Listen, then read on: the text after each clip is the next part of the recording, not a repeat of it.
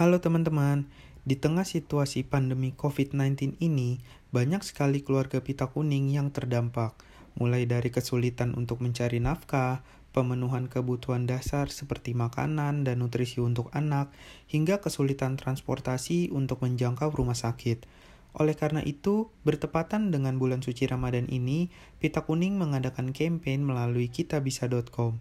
Buat kalian yang mau berdonasi dan membantu adik-adik Pita Kuning, bisa langsung buka kitabisa.com slash campaign slash ramadan pk atau bisa dilihat di Instagram pita underscore kuning. Ditunggu partisipasinya ya. Selamat datang di PKP Pita Kuning Podcast.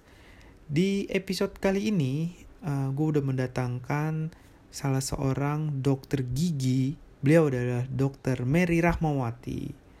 Hari ini kita bakal ngobrolin seputar masalah kesehatan gigi dan kaitannya selama bulan puasa ini. Apa kabar dok? Alhamdulillah baik. Uh, gimana nih uh, situasi di dokter kan di puskesmas ya? Iya betul di puskesmas. Di puskesmas. Nah, gimana dok situasi lapangan di puskesmas uh, ya seperti kita ketahui kan kalau untuk praktek dokter gigi yang uh, untuk praktek swasta ya atau klinik itu uh, sebagian besar memang dihimbau untuk tutup. Hmm. Tapi untuk kasus emergensi memang uh, yang diminta untuk buka adalah yang khususnya instansi sama rumah sakit. Tetapi kalau untuk keadaan di lapangan uh, untuk praktek dokter gigi biasanya kita hanya menerima yang kasusnya emergensi atau darurat. Jadi darurat itu misalkan uh, ada pasien yang sakit gigi sampai tidak bisa tidur, kemudian yang bengkak seperti itu. Cuman ya kita memang uh, protapnya atau prosedurnya kita pakai baju memang sama seperti orang yang menangani COVID. Jadi kita benar-benar full oh. APD. Jadi pakai APD juga prakteknya dok? Iya, saya pakai APD lengkap juga. Pakai face shield, pakai. Oh. Tiap hari masih ini dok, masih masuk maksudnya masih ke puskes? Kalau untuk puskesmas, uh, mulai dari dua minggu lalu kita sudah pakai sistem shift ya. Oh. Jadi sudah pakai sistem apa rolling. Jadi saya seminggu paling cuma kena tiga kali lah. Oke, okay. pasien banyak nggak dok? Yang gejala-gejala uh, COVID? Kalau untuk yang gejala COVID sih kemarin uh, sebelum PSBB diberlakukan sih lumayan ya, karena kan puskesmas uh, kebagian untuk yang memantau pasien ODP sama PDP sebelum mereka dirujuk ke rumah sakit. Jadi ya uh, kita ada namanya ruangan khusus namanya triase sama poliispa. Biasanya kedeteknya di sana sih. Kalau memang pasiennya jujur ya. Kayak banyak ya dok kondisi yang pasien gak jujur ya katanya ya dok ya? Uh, walau alam ya, tapi kalau selama ini di puskesmas sih kita sih menganggap bahwa ya pasien masih jujur ya sejauh ini gitu karena rata-rata mereka bilang gitu kalau mereka ada keluhan misalkan sudah demam tinggi sampai lebih dari tiga hari, kemudian uh, batuk hingga sampai sesak. Dan ini juga ya dok, uh, untuk dokter gigi khususnya tadi yang seperti dokter bilang juga pasien dengan gejala tertentu aja yang boleh ke puskesmas ya?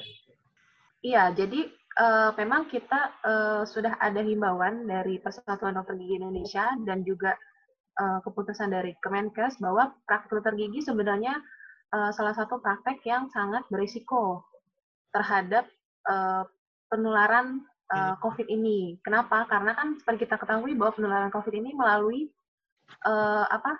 Interak uh, melalui uh, droplet, melalui saliva. Nah, sedangkan dokter gigi kan uh, untuk berhadapan dengan pasien pasti kurang dari apa dua meter ya. Iya. Kemudian juga kita berhadapan dengan saliva. Jadinya untuk khusus praktek dokter gigi memang kita dibatasin hanya untuk kasus emergensi gitu. Makanya uh, kan nggak mungkin juga ya kita tutup. Pasti kan ada juga pasien yang memang atau masyarakat yang memang udah sangat sakit banget kan nggak mungkin hmm. juga untuk kita rujuk ke dokter spesialis lain. Jadinya kita tetap buka, tapi hanya uh, kita dengar rolling kalau di puskesmas dan juga hanya untuk menangani kasus emergensi. Kasus emergensinya apa aja? Yaitu ya kalau sakit gigi yang menahun, saya udah terus-terusan, udah minum obat tapi nggak sembuh, sama yang kasusnya memang pembengkakan karena ada infeksi. Dokter, puskesmas di mana dok? Saya di Jakarta Barat, di Taman Sari, di oh. daerah Glodok lebih tepatnya. uh, hari ini aku juga pengen bahas tentang apa ya mitos dan fakta juga nih seputar uh, mulut dan kaitannya di bulan suci Ramadan ini. Orang kan pada lagi berpuasa nih dok. Uh, iya betul. Sebenarnya seberapa penting sih dok untuk kita memperhatikan kesehatan mulut di bulan puasa ini dok? Kalau ditanya seberapa penting sama dengan bulan-bulan sebelumnya. Tetapi mungkin teristimewa di bulan puasa ini bahwa kita kan tidak ada aktivitas uh, mengunyah ya selama hampir kurang lebih 12 jam, mm-hmm. ya kan? Terus juga uh, apa uh, fungsi dari mulut tersebut juga kita jarang menggunakan. Apalagi kalau misalkan selama bulan puasa lagi libur gini nih lagi stay at home pasti banyakkan tidur. Iya benar dok. Ya, jadinya kenapa? Bener-bener dok, banyakkan rebahan doang. Iya, banyak rebahan, kaum rebahan ya. Iya. Nah, jadinya pasti aktivitas di dalam mulut itu sedikit. Nah, karena sedikit, pasti kita penting banget itu menjaga kesehatan giginya, gitu. Karena kenapa? Karena semakin sedikit kita melakukan aktivitas di dalam mulut, itu pasti kuman itu akan senang berada di dalamnya. Mm-hmm. Tuh, makanya kenapa ketika bulan puasa, karena kita kan nggak ada makan nih, terus aktivitas mulut uh, sedikit, sehingga kan produksi air liur pun juga nggak sebanyak kayak di bulan-bulan sebelumnya. Makanya kenapa kita merasakan kayak kering seperti itu. Nah, jadi wajib kita menjaga kesehatan gigi dan mulut. Nah, uh, jadi kondisi mulut pas lagi puasa yang kurang lebih 12 jam itu emang lagi banyak-banyaknya bakteri ya, Dok? Sebenarnya di dalam mulut kita pasti ada bakteri, namanya flora normal. Jadi oh. flora normal itu mikroorganisme yang memang uh, baiklah intinya di dalam mulut. Mm-hmm. Tetapi dia akan bisa menjadi jahat, jahat tanda tanda kutip kalau misalkan pertama kita tidak menjaga kesehatan gigi dan mulutnya. Misal ada gigi bolong sebelumnya nggak kita tambal, tapi kita malah menumpuk sesuatu yang memang sudah busuk di sana. Mm-hmm. Itu. Kemudian uh, yang kedua mungkin dari makanan kita yang memang tidak jelas gitu yang dimasukkan ke dalam mulut itu bisa mengganggu keseimbangan si flora normal tersebut gitu. Hmm. Berkaitan ya. sama makanan yang tadi dok, sebenarnya hmm. ada nggak sih dok eh, makanan-makanan yang mungkin bisa apa ya merusak mulut kita selama lagi berpuasa kan katanya misalnya nih dok orang kalau lagi puasa buka sama yang manis-manis padahal ada yang bilang juga katanya yang manis-manis itu uh, kalau apa mulut belum kena air putih atau apa bisa merusak gigi. Nah itu benar nggak sih dok? Uh, sebenarnya ketika kita waktu buka puasa, memang baiknya kita mengkonsumsi air putih terlebih dahulu. Kenapa? Hmm. Karena kan mulut kita sebelumnya berpuasa kan, tidak ada aktivitas, jadi akan banyak produksi asam yang dihasilkan di dalam mulut. Oh. Nah, jadi untuk menetralisir asam tersebut kita sebaiknya minum air putih dulu gitu. Nanti setelah itu bolehlah kita minum yang manis. Tetapi perlu digarisbawahi juga bahkan kalau misalkan dari teman-teman atau rekan-rekan yang lain misalkan bertanya ke dokter spesialis bagian pencernaan itu sebenarnya terlalu banyak uh, mengkonsumsi yang manis ketika buka puasa itu juga tidak baik. Kenapa? Karena kan gula kandungan gula itu menambah kalori. Uh-uh. Yang ada nanti kita membuat setelah buka puasanya lebih gampang ngantuk seperti itu. Dan juga ya itu tidak baik juga buat buat kalori di dalam tubuh kita uh. yang diasup. Wah, saya tiap buka puasa malah es kelapa mulu, Dok. ya mungkin di di rolling kali ya, mungkin nggak cuma es kelapa, mungkin kalau mau butuh yang manis sebenarnya bisa dari buah-buahan dari jus oh. atau kita mikir sop buah tapi mungkin tanpa susu kali ya karena kan sop buah aja sudah kalau pakai sirup udah manis mm-hmm. gitu kalau ditambah susu berarti kan dua kalinya gitu belum Jadi, lagi nanti kalau habis makan itu kita harus makan nasi manis nah, lagi iya. kan ada gulanya gitu. berarti yang manis boleh tapi emang kadarnya perlu dijaga gitu ya dok Iya perlu diperhatikan juga nggak usah terlalu berlebihan juga gitu karena ya nanti itu mempengaruhi bukan hanya dalam pencernaan tapi keadaan mulut kita juga gitu kan Terus ditambah lagi nanti sebelum tidur, setelah tarawih kan udah ngantuk nih. Ya. Terus lupa aja sikat gigi gitu. Nah, itu tuh dok. Saya eh, lanjut ke pertanyaan saya berikutnya deh jadi. Uh, iya. Sebaiknya waktu yang pas untuk kita ngebersihin mulut selama bulan puasa itu pas kapan dok? Ada yang bilang se sebelum apa subuh uh, sikat gigi sama uh, pas mau tidur atau pas kapan sih dok? Sebenarnya kalau untuk menyikat gigi uh, itu uh, sama aja ya dengan di, bu di bulan-bulan sebelumnya atau hari-hari sebelum kita puasa. Jadi yang pertama kalau dulu kan uh, sebelumnya kita uh, setelah sarapan. Berarti kalau yang sekarang ketika bulan puasa yaitu setelah sahur. Karena kita sudah aktivitas makan dan minum kan. Hmm. Tetapi perlu dijeda 30 menit setelah kita makan. Baru sikat oh, gigi. Kenapa tuh dok? Tuh. Karena kalau misalnya kita langsung, itu kan dia sedang proses istilahnya uh, remineralisasi ya. Maksudnya gini, jadi bahasa awamnya si makanan itu kan nempel di gigi. Kalau misalnya langsung kita sikat, yang ada nanti si permukaan giginya lebih gampang terkikis. Gitu. Hmm, itu Tapi memang terkikisnya tidak besar. Bikin gigi linu gitu nggak sih dok? Yang bikin gigi linu tuh salah satunya itu juga bisa dok? Uh, bisa, salah satunya itu. Tapi banyak faktor sih kalau gigi linu itu ya. Gigi linu tuh uh, bisa karena penyikatan yang langsung dari sejak hmm. kita makan, atau bisa juga memang ada gigi yang bolong gitu. Terus juga ditambah lagi mungkin giginya memang sensitif karena permukaan yang bagian putih kan di gigi ada permukaan bagian putih itu hmm. namanya email mungkin lebih tipis dari permukaan di dalamnya itu bisa menyebabkan gigi. Jadi banyak faktor sih kalau gigi linu.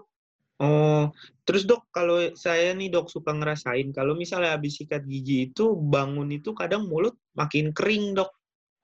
Itu mm -mm. Bener atau enggak sih dok? Gara-gara odol Pak. atau ininya? Kalau habis sikat gigi? Iya. Uh, kalau habis sikat gigi kering sebenarnya enggak sih. Uh, mungkin kalau kering itu pertama mungkin pasta gigi yang kita gunakan terlalu banyak. Padahal sebenarnya kita menggunakan pasta gigi tersebut hanya sebesar biji cabai aja sih. Lalu oh, gitu. kita tekan di ujungnya seperti ini. Jadi misalnya ini, ini sikat gigi ya. Uh-huh. Jadi sebenarnya cukup satu begini aja, tapi agak kita tekan ke dalam. Jadi nggak usah sepanjang ini juga gitu sebenarnya. Wah, saya kemakan iklan dong, dok. Kalau di iklan bulu sikatnya, dok. Iya. ya, itu. Yang penting kan sebenarnya sikat gigi itu adalah caranya bukan nah, banyaknya dari si pasta gigi. Gitu. Kalau caranya benar nggak dok yang katanya uh, horizontal, kemudian uh, apa namanya vertikal gitu, atau yang berputar Kalau, itu? -mm. Jadi sebenarnya teknik sikat gigi itu banyak, ada nama-namanya ya.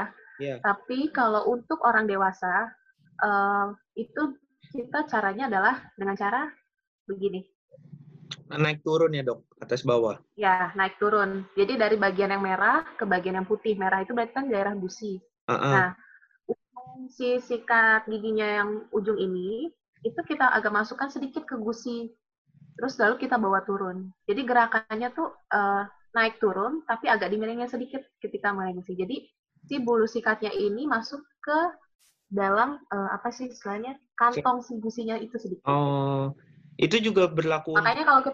yang belakang dok, yang apa? Iya, yang belakang juga. Kalau yang belakang, ini saya saya tunjukin ya. Iya, Jadi iya, iya. misalkan iya. kalau yang kalau yang belakang nih, oke saya ada yang ini saya buat anak-anak biasanya. ya. Kalau yang belakang, jadi gini, yang bagian depan sama begini. Atas ke bawah ya, naik turun. Ya, jadi misalnya gini nih kita suka gini. Jadi ini gini. Uh. Naik turun. Uh. Ya. Kalau yang bagian belakang sama, tapi kalau bagian atas begini sama. Standar ya kalau bagian uh, belakang, yang bagian atasnya ini kayak sekitar sikat gigi biasa. Iya. Yeah. Nah, cuman kalau yang bagian dalamnya itu gerakannya dari merah ke putih. Jadi bisa boleh begini. Uh -uh. Atau begini. Oh, ini di bagian belakang gigi itu kita harus dari yang merah ke yang putih ya ditarik gitu ya, Dok? Iya, betul. Jadi dari dalam keluar. Yang sini juga sama. Bagian nah, itu ini gerakannya harus uh, satu arah doang gitu dok kayak parut keju istilahnya atau boleh yang biasa kan orang langsung gosok gosok gosok gosok gitu dok kalau saya sih mempraktekannya saya uh, apa pelan pelan jadi satu arah oke okay. Iya, soalnya kalau misalnya kayak kita begitu-gituin nanti yang tadi kata Mas saya digituin, uh yang ada nanti gusinya malah jadi luka biasanya. Hmm, itu yang bisa suka berdarah ya dok? Betul. Jadi sebenarnya gusi berdarah itu ada dua faktor. Pertama, karena cara sikat gigi yang salah. Hmm. Yang kedua, karena memang si gusinya sudah ada peradangan. Jadi ketika tersentuh si sikat gigi, dia malah makin bikin luka gitu. Karena kan udah ada peradangan. Uh, Oke. Okay. Hmm. Nah, kalau penggunaan mouthwash nih dok, untuk uh -uh. Uh, menyegarkan mulut gitu biar nggak bau sepanjang hari itu sebenarnya direkomendasikan nggak sih dok selama bulan puasa ini dok? Kalau untuk penggunaan obat kumur, uh, untuk pemakaian tiap hari tidak direkomendasikan ya. Kenapa? Karena uh, sebenarnya obat kumur itu hanya untuk indikasi. Kalau untuk pemakaian tiap hari, yang dikhawatirkan adalah si mikro mikroorganisme yang tadi flora normal itu jadi terganggu keseimbangannya. Terkata nih kita bakteri tersebut kan dia bakteri baik, dia punya komunitasnya. Terus kita ganggu nih. Nah, lama-lama kan dia bisa jadi jahat. Kemudian juga uh, mulut bisa jadi kering. Jadi sebenarnya mulut kita juga nggak boleh terlalu kering. Nah, obat kumur itu menyebabkan mulut jadi gampang kering. Oh iya. Kalau iya. udah kering, ya flora normalnya jadi terganggu. Gitu. Kalau pemakaian sehari-hari efeknya apa dok? Misalnya nih kita selama satu bulan full gitu puasa setiap sahur pakai habis sikat gigi terus cuci mulut pakai ya mouthwash gitu dok. Efeknya apa sih dok? pertama efeknya mulutnya kering. Uh. Kalau mulutnya sudah mulut kalau mulut sudah kering, otomatis uh, bau mulut juga gampang keluar baunya. Oh, pakai mouthwash malah bikin bau ya, bukannya Karena kan kering mulutnya. Iya, iya, iya. Gitu. Jadi uh, ya ibarat kata kalau di dalam agama Islam kan sebenarnya bau mulut ketika kita puasa itu uh, tidak berbau ya, tapi baunya khas gitu. Yeah. Tapi kalau kita bikin dia mengganggu uh, istilahnya keseimbangan flora di dalam mulutnya tersebut, yang ada nanti baunya malah jadi bercampur. Belum lagi kalau misalkan gigi kita memang ternyata gigi yang bolong atau ada gigi yang busuk. Jadi kan baunya udah bercampur padu gitu. Oh, berarti emang nggak direkomendasikan untuk pemakaian setiap hari ya dok? Iya, betul. Oh. Jadi uh, obat kumur itu hanya dipakai untuk pada keadaan tertentu aja. Misal memang ada peradangan gusi atau memang ada pembekakan. Jadi intinya memang harus ditanyakan dulu kepada dokter giginya uh, sebenarnya perlu nggak saya untuk memakai obat kumur.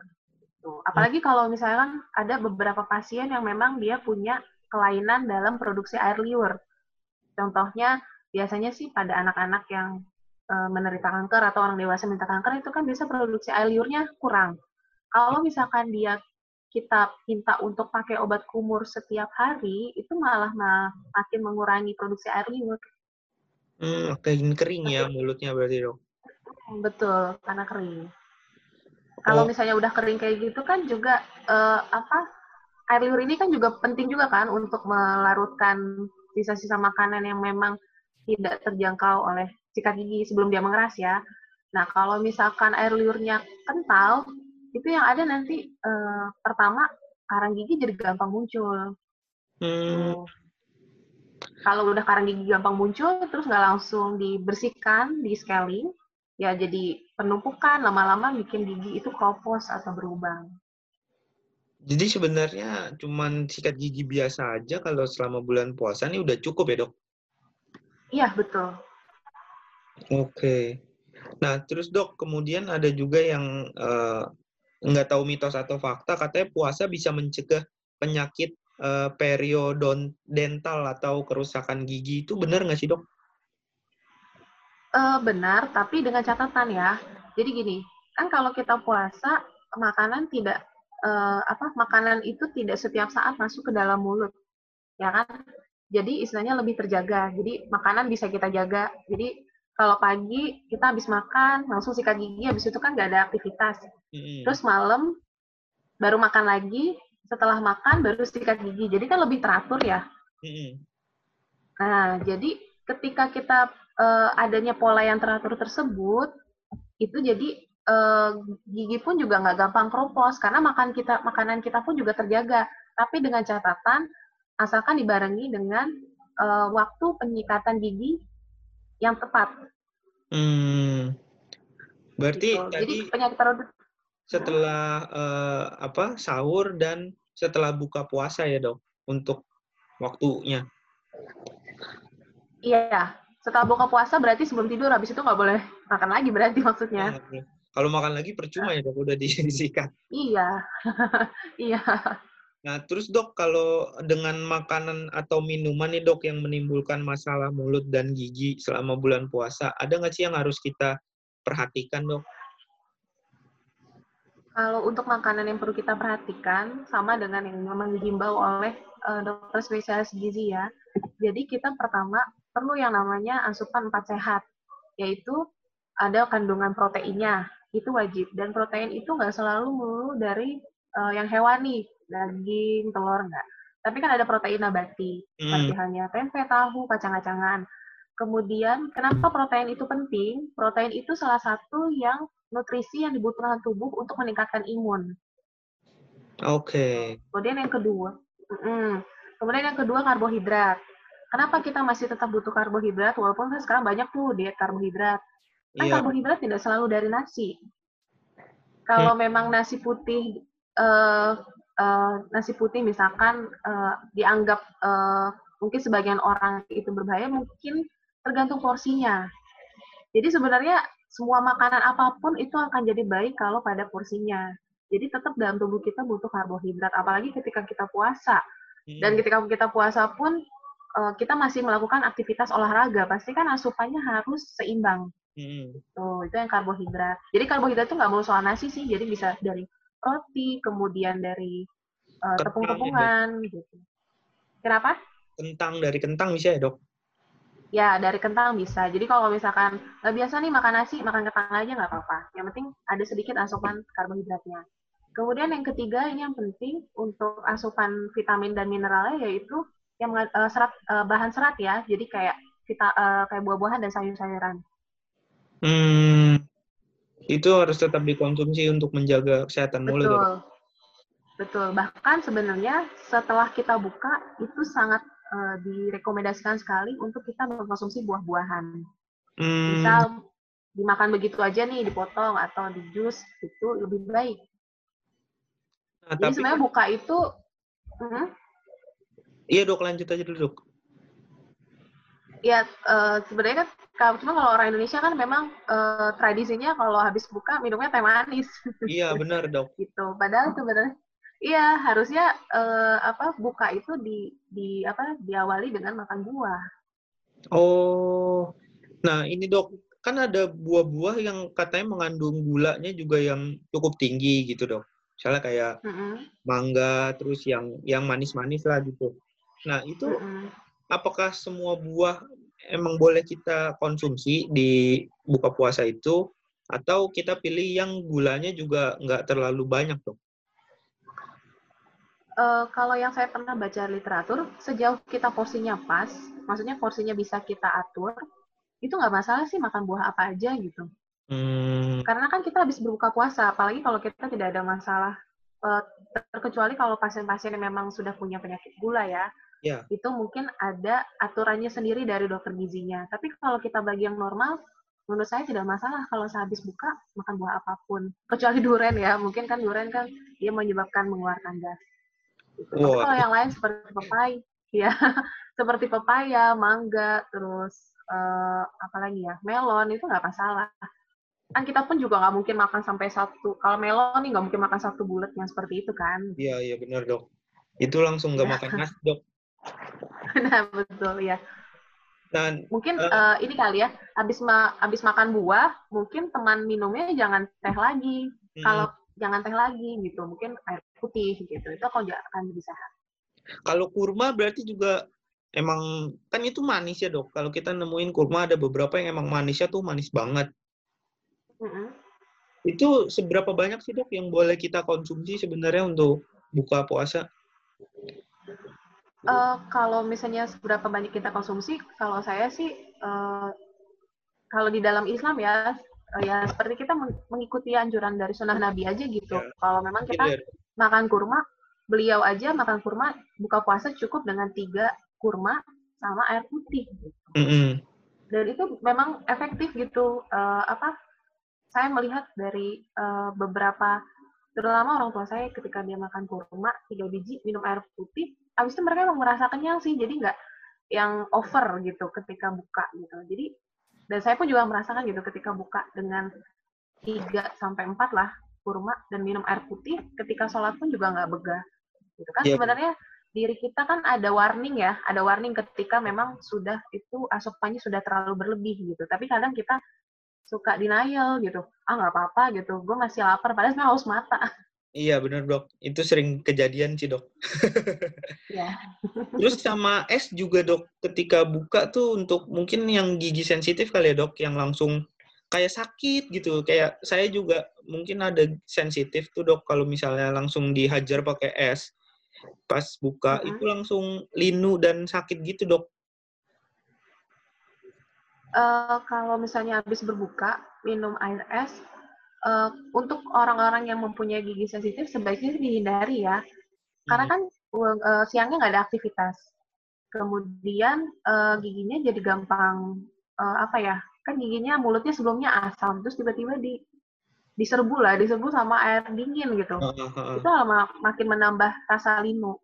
Jadi emang bijaknya memang eh, kita setelah berbuka itu minumnya mungkin jangan yang terlalu panas pun, juga jangan yang terlalu dingin.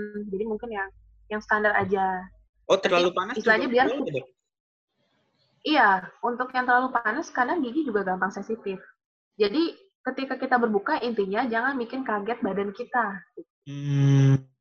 Badan kita itu kan nggak cuma dari dari eh, apa di pencernaan, tapi mulut kan pintu utama pertama yang akan kita masuk makanan.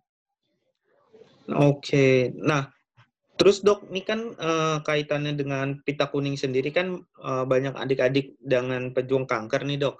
Nah, merawat mulut orang dewasa sama anak-anak itu sama atau beda dok? Kalau merawat mulut orang dewasa sama anak-anak jelas agak sedikit berbeda ya. Walaupun memang caranya sama. Tadi kalau untuk anak-anak cara sikat giginya itu yang diputar-putar, Yang begini. Hmm, yang diputar. diputar. ya. Karena karena kan biasanya khususnya untuk anak-anak yang masih di bawah umur 9 tahun eh, kadang ya sikat gigi asal gitu kan. Nah, makanya kenapa kita minta untuk diputar aja untuk memudahkan mereka. Gitu. Nah, untuk anak-anak pun eh, ini yang mana nih yang buat anak-anak eh, yang memang eh, kanker atau yang pada umumnya? Kalau misalnya pada umumnya, kalau pada umumnya biasanya itu kan ada tahapan umurnya. Jadi kalau anak tersebut sudah bisa memegang sikat gigi, memang baiknya mereka belajar sendiri, tapi tetap didampingi orang tua. Jadi sampai umur 12 tahun pun itu sebenarnya anak harus didampingi sama orang tua pada saat sikat gigi jangan dibiarin karena kan belum tentu bersih. Jadi kalau Mhm. memang ada yang nggak bersih, kita bantu untuk disikatin.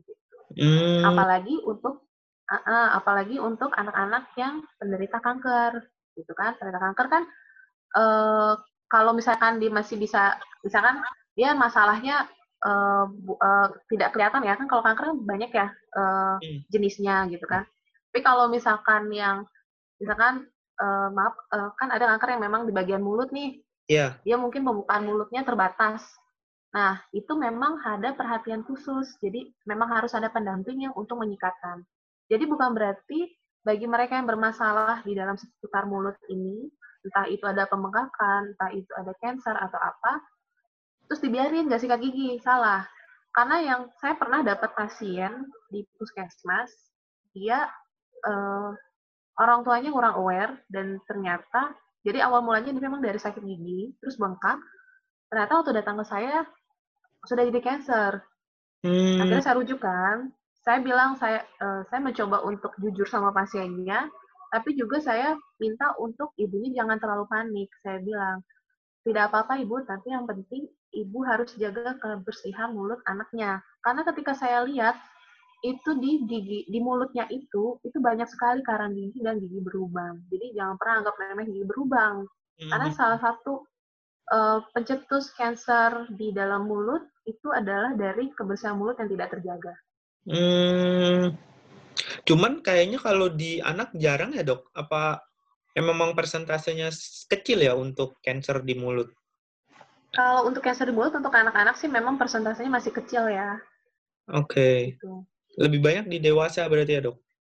Iya betul di dewasa paling banyak.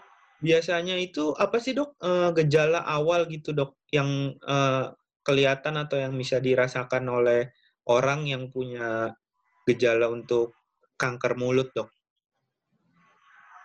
uh, kalau untuk kanker mulut itu sebenarnya perjalanannya itu kan ada dua ya, ada yang ganas dan yang ada yang jinak. Biasanya cancer itu tuh nggak mungkin tiba-tiba langsung muncul gitu. Pasti hmm. ada yang men-triggernya. Iya. Jadi kalau yang ganas kan biasanya perjalanannya cepat. Nah, biasanya cancer itu tertrigger oleh sesuatu yang memang selnya dirangsang. Jadi dia membuatkan cancer.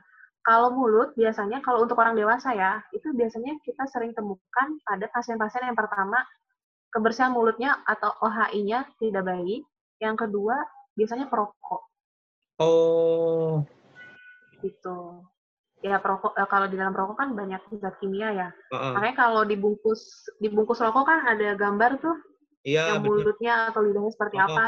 Itu sebenarnya bukan bukan bohong-bohongan atau bukan dibikin-bikin, memang ada kasus seperti itu. Karena saya pernah uh, pernah waktu itu menemukan pasien waktu saya zaman masih kuliah ya, waktu saya yeah. koas di Hasan Sadikin, itu memang ada yang gambarannya seperti itu.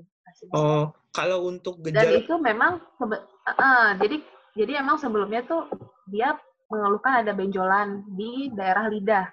Awalnya kecil, cuma dia pikir sebuah bisul uh-uh. ya kalau masyarakat kita kan ngeliat bisul dikit ah ya udahlah nanti juga sembuh terus entah mungkin di, total-totalnya obat yang tidak jelas nah itu yang men-trigger dia akhirnya menyebabkan jadi cancer jadi sebenarnya di dalam mulut kita kalau misalkan sudah ada benjolan atau pembengkakan eh, langsung deh cepet-cepet buru-buru ke dokter gigi jangan beli obat sembarangan karena kesalahan kita adalah karena beli obat sembarangan itu yang pertama kali.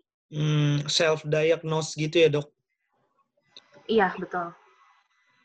Berarti secara kasat mata kalau uh, dari pandangan dokter, ketika melihat mungkin mulut seseorang ada ada benjolan, kemudian ada bolong-bolong yang banyak gitu, bisa jadi indikasi ke arah cancer ya dok? Uh, kalau indikasi ke arah cancer, kalau misalnya benjolan, uh, benjolan benjolan atau pembengkakan ya, yeah. itu kan banyak ya. Biasanya nanti kita akan pemeriksaan lebih lanjut. Jadi nggak oh, langsung, oh ini cancer, nggak gitu kan. Kayak pembengkakan di dalam gigi atau di dalam mulut kan banyak ya. Ada yang memang karena infeksi, atau memang dia, jadi biasanya kita nanti kita kita periksa dulu nih, periksa dari dalam di eksternalnya, di bagian luar, sama kita cek bagian dalamnya. Dan juga pasti ada pemeriksaan penunjang kalau untuk di puskesmas untuk diagnosa pertama biasanya kita minta pasien untuk foto ronsen dulu. Hmm. Gitu. Foto ronsen istilahnya yang satu mulut ya atau panoramik. Kalau memang ternyata ada kecurigaan, baru kita rujuk ke rumah sakit. Nah, biasanya di rumah sakit itu nanti kalau memang sudah menjurus ke arah cancer atau gimana, biasanya akan ada namanya biopsi. Oke, iya iya benar.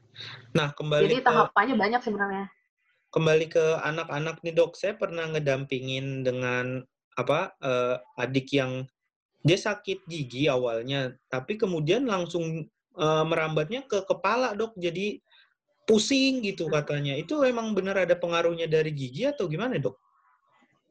Iya bisa jadi. Jadi uh, sakit gigi itu kan persarafan di gigi itu memang uh, berkaitan ya dengan saraf pusat, saraf ke uh, bagian pusat lah intinya bagian hmm. kepala tapi memang tidak langsung. Jadi kan di dalam di dalam kepala kita ini banyak persarafan banyak cabang-cabangnya. Hmm. jadi ketika dia sakit gigi uh, pasti kan ada respon tuh yang menyampaikan ke saraf pusatnya. Makanya kenapa ketika dia sakit gigi suka ngerasa oh kepalanya pusing. Hmm, memang ada ya ada pengaruhnya berarti ya dok. Walaupun itu enggak ya. belum, belum tentu dari gigi juga karena saraf di otak banyak ya. Iya, iya makanya harus dicek dulu sih. Jadi misalnya ada pasien ngeluhin sakit kepala, uh, biasanya kita kalau di puskesmas ada pasien ngeluhin sakit kepala, itu ada yang namanya kita uh, uh, istilahnya pemeriksaan uh, secara menyeluruh. Jadi biasanya dokter umumnya coba dirujuk dulu ke dokter giginya. Ada masalah nggak di giginya? Kalau ada masalah, coba diatasin. Nanti pasiennya juga diterapi juga dari dokter umum. Tapi kalau seandainya udah diterapi dengan obat umum, kemudian giginya sudah nggak ada masalah, tapi dia masih sakit kepala, nah mungkin kita perlu curigai itu ada masalah di persarafan, di kepalanya. Hmm. Berarti untuk anak-anak juga penting banget ya dok untuk sikat gigi terus, maksudnya secara rutin menjaga kesehatan mulut, jangan didiemin aja ya dok. Iya, penting banget. Memang sebenarnya untuk membiasakan uh, apa membiasakan merawat gigi itu sebenarnya memang dari kecil dari dini karena nanti kan kebiasaan ya sampai dia dewasa. Ada pengaruhnya juga nggak sih dok kalau kecilnya misalnya jarang rawat gigi terus gedenya hancur gitu giginya atau sensitif berlebih atau yang lain dok? Ada, ada, ada pengaruhnya, ada pengaruhnya. Oh, padahal. Karena kan gini. Iya, padahal kan gigi anak-anak katanya masih gigi susu ya dok, maksudnya belum gigi sebenarnya hmm. gitu. Iya. Jadi gini, kalau misalkan dari kecil nih udah giginya udah banyak yang grepes atau hilang gitu. Sebenarnya gigi susu itu kan dia pemandu atau panduan awal untuk sebelum gigi dewasanya tumbuh. Kalau misalnya waktu kecil dia tidak merawat giginya, kan giginya jadi hancur nih. Berarti iya. kan banyak gigi yang lepas dari uh, dari yang uh, sistem rahangnya. Kalau misalnya dia lepas sebelum waktunya, jadi kan gigi itu sebenarnya copot itu ada waktu-waktu yang ideal atau normalnya. Hmm. Tapi dia sudah copot sebelum waktunya.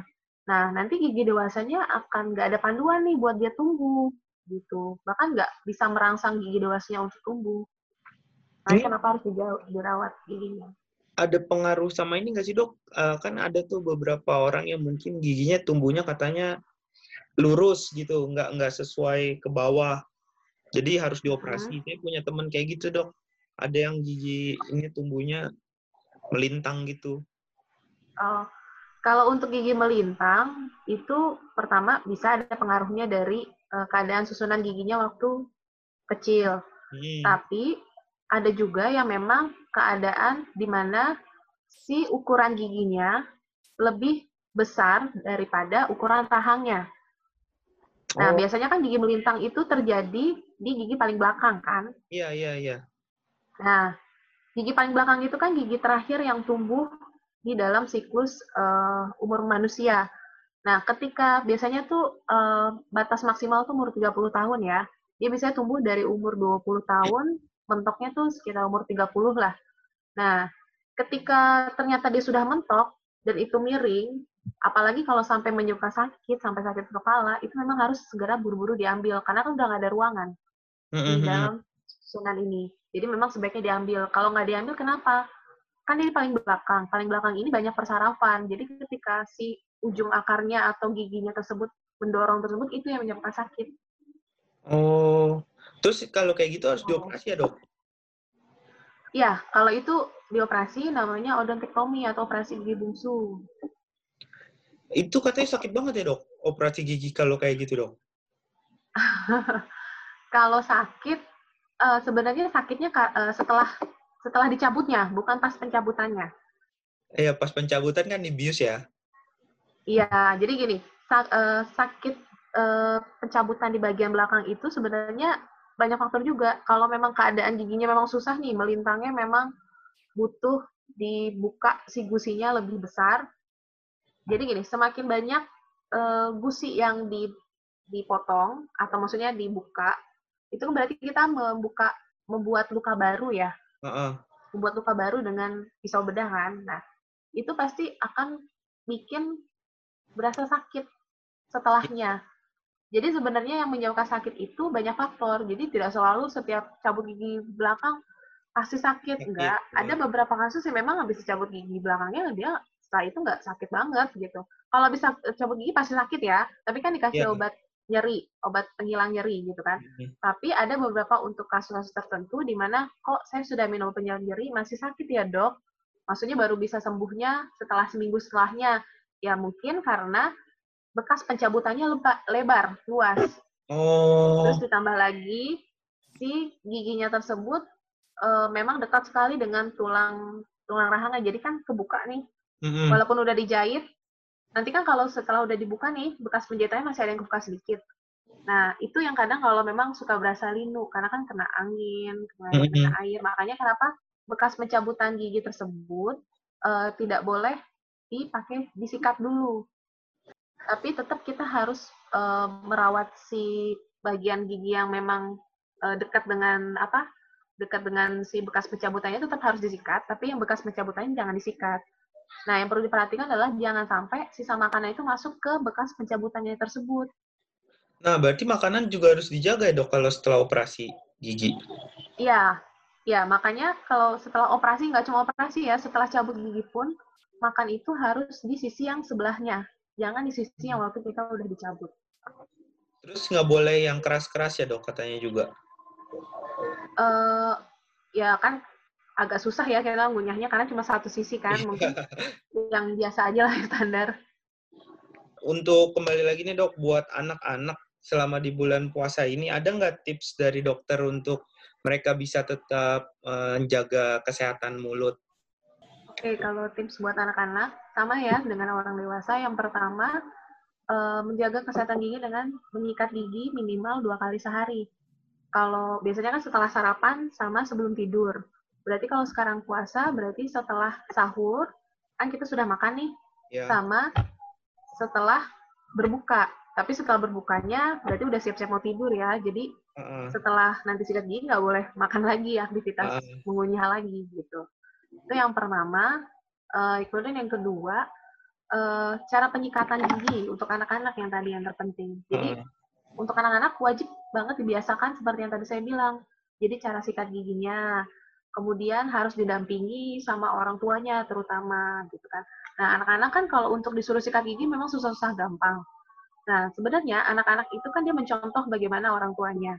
Jadi, ketika memang misalnya anak susah nih, nah mungkin bisa diajarkan untuk uh, seperti halnya bermain, bermain bersama anak. Jadi, ayo, mama mau sikat gigi.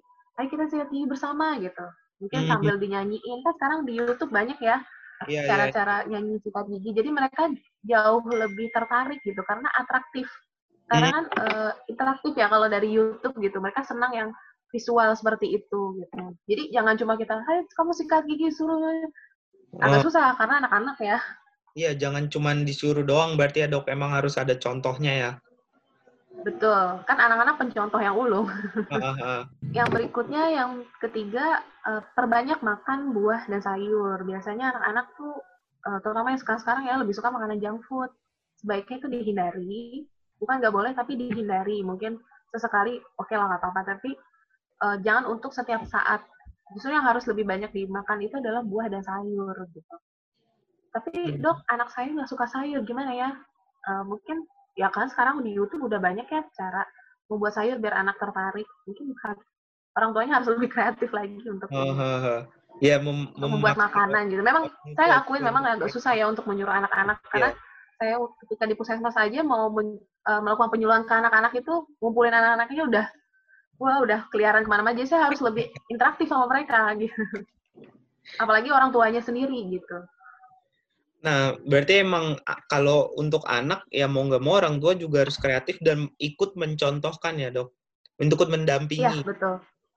Iya karena tingkat keberhasilan uh, kesehatan gigi dan mulut pada anak-anak itu tidak hanya didasari oleh uh, dari dari dokter gigi atau dia seringnya ke dokter gigi bukan. Tapi uh, kerjasama yang antara orang tua, anak, dan juga dokter giginya.